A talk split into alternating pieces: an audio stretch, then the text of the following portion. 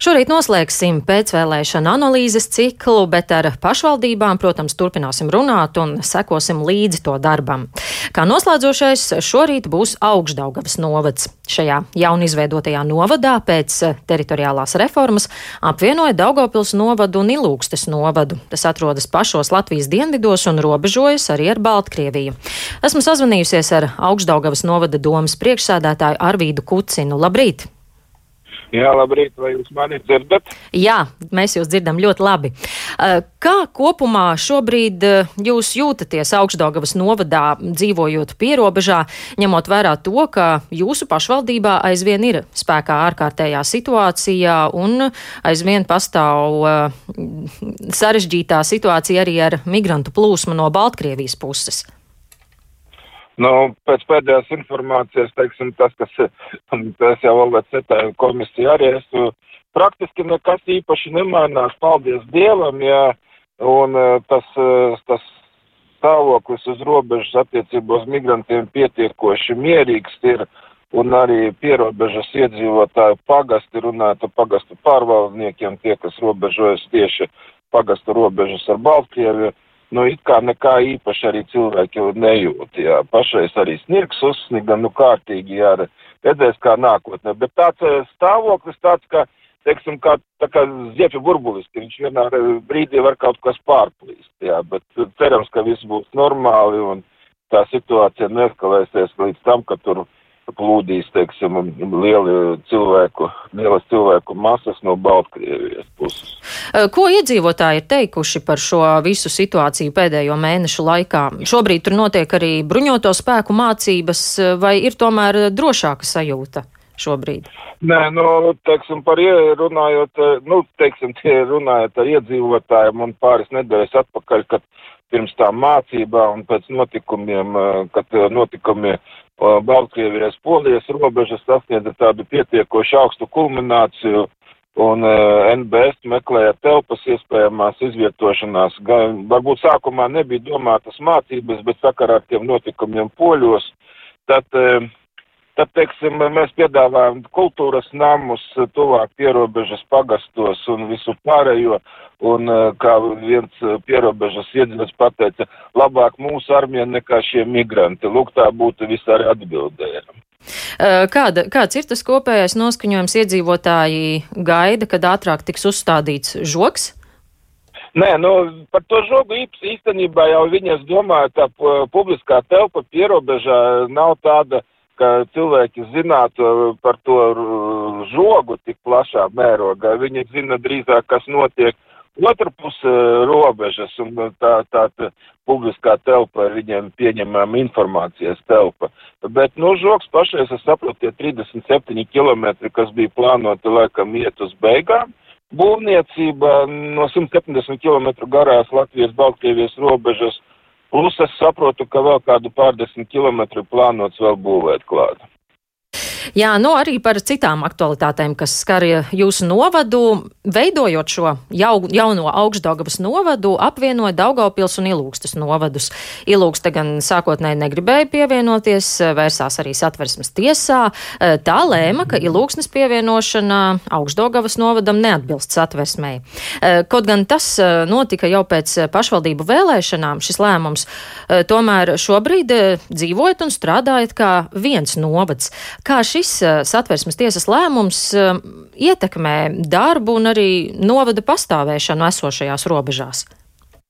Nu, jebkurā gadījumā mēs apzināmies, ka likumdevējs pieņēma tādu, tādu lēmumu, apvienojot šos bijušos divus novadus, līdz ar to tam darbs, darbam jābūt.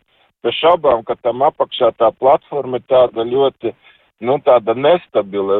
Vispirms sākotnēji, kamēr kamēr parlaments nepieņēma to lēmumu, ka atbilstoši satversmē, konstitucionālās tiesas, satversmes tiesas lēmums.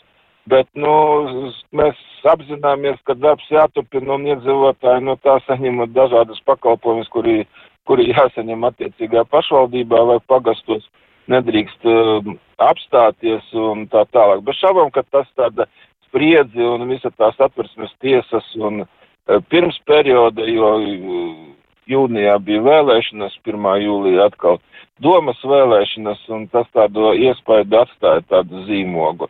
Bet, nu, godīgi sakot, liela daļa jau bija deputātos, bijušos deputātus, viņi apzinās, ka ir jāstrādā, un, un šajā ziņā ir, teiksim, zināms, manā skatījumā daudz maz normāli, bet, nu, tas tāda platformiņa ir, mēs vairāk uztraucamies, ka parlaments pieņēma lēmumu 29. gadā šos novadus pievienot valsts pilsētām, tas mums tagad pašreiz tāds aktuālāks jautājums moments, kā tas būs nākotnē un vispārējais, bet tas būs jau pēc astoņiem gadiem.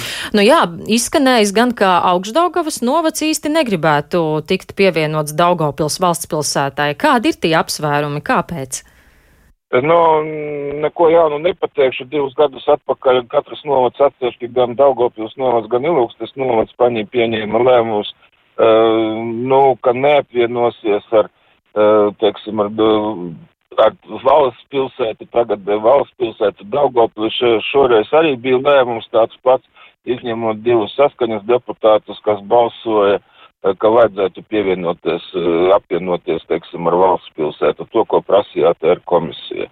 Apvērs, apsvērumi ir ļoti vienkārši. Mūsu skatījumā valsts pilsētā ir tāda, ka Daugavpils ir otrā lielākā pilsēta, bet šaubu, ka ekonomiskā situācija nav no tām labākajām, bet viņai jāattīstās pats pašai par sevi un jādod visas tās iespējas, ko varētu lielā pilsēta darīt, teiksim, šai, šai te valsts, valsts reģionā, jā. Un mēs esam tāds tendēts vairāk lauksanieciskas novads, un daudzi darīt pilsētnieki tomēr izvēlas uh, dzīvot laukos, bet nekādā ziņā tas neietekmētu varbūt attiecībā to, ka vajadzētu apvienoties ar valsts pilsētu. Un vēl noslēgumā īsi vēlos jums vaicāt arī par nesenāko aktualitāti. Proti pagājušajā nedēļā jūs novadā no dūņu laukiem vidē noplūda piesārņojums 14 tūkstošu tonu dūņu. Vakar bija sasaukt arī sēde pašvaldībā. Kā šobrīd norit dūņu savākšanas darbi, kāds ir piesārņojuma apmērs un cik daudz līdzekļu būtu nepieciešami no valsts, lai likvidētu sekas? Nu, lai likvidētu sekas to, ko mums eksperti Venteko piedalās, varētu pašreiz to dūņu savākšanu dabūt daudzā mērā atpakaļ dūņu laukos, tas varētu būt no 80 līdz 120 tūkstošiem. Tas ir viena medaļas puse par tām esošajām dūņām, kas ir tikušas ārā no šiem dīkiem, bet cik varētu būt tālāk ietekmēt noteci grāvjos upītēs, kas tur ir un tuvāk esošās dzīvojamās mājas, nu, grūti pateikt. Tas process varētu būt arī pusgads, gads, jā, un tā tālāk. Pašreiz ir pietiekuši daudz sniega. Vai izdosies savākt, es domāju, ka lielāko daļu izdosies savākt to dūņu dabūt atpakaļ, jā, neskatoties uz ziemas apstākļiem, bet tur arī apakšā ir mežs, kas ir um, jau dūņās ieskauts ar zināmu slāni, nu, nu īpaši nevarēs kaut arī uzlikti uzlikti, teiksim, ariātori, lai neietektu līksnas upītē, kura tālāk aiziet uz Daugu. Pašais tas process monitorēts, bet attiecībā uz iedzīvotiem par dzeramo ūdeni un visu pārējo skaidrs mēs esam jau apzinājušies, un šodien vēl e, nav tik vienkārši, jo ir ziemajā. Ja kamēr bija te plusos pagājušajā nedēļas beigās, uzreiz tika, teiksim, daudz maz pievest deramais ūdens no Daugavpils mm -hmm. ūdens puses, Un tad tā, tas, tas tāds process ir ļoti garš. Jā, darbs vēl priekšā. Paldies, saku jums šorīt par sarunu. Sazvanījos ar Augstdaugavas novada domas priekšsādātāju Arvīdu Kucinu.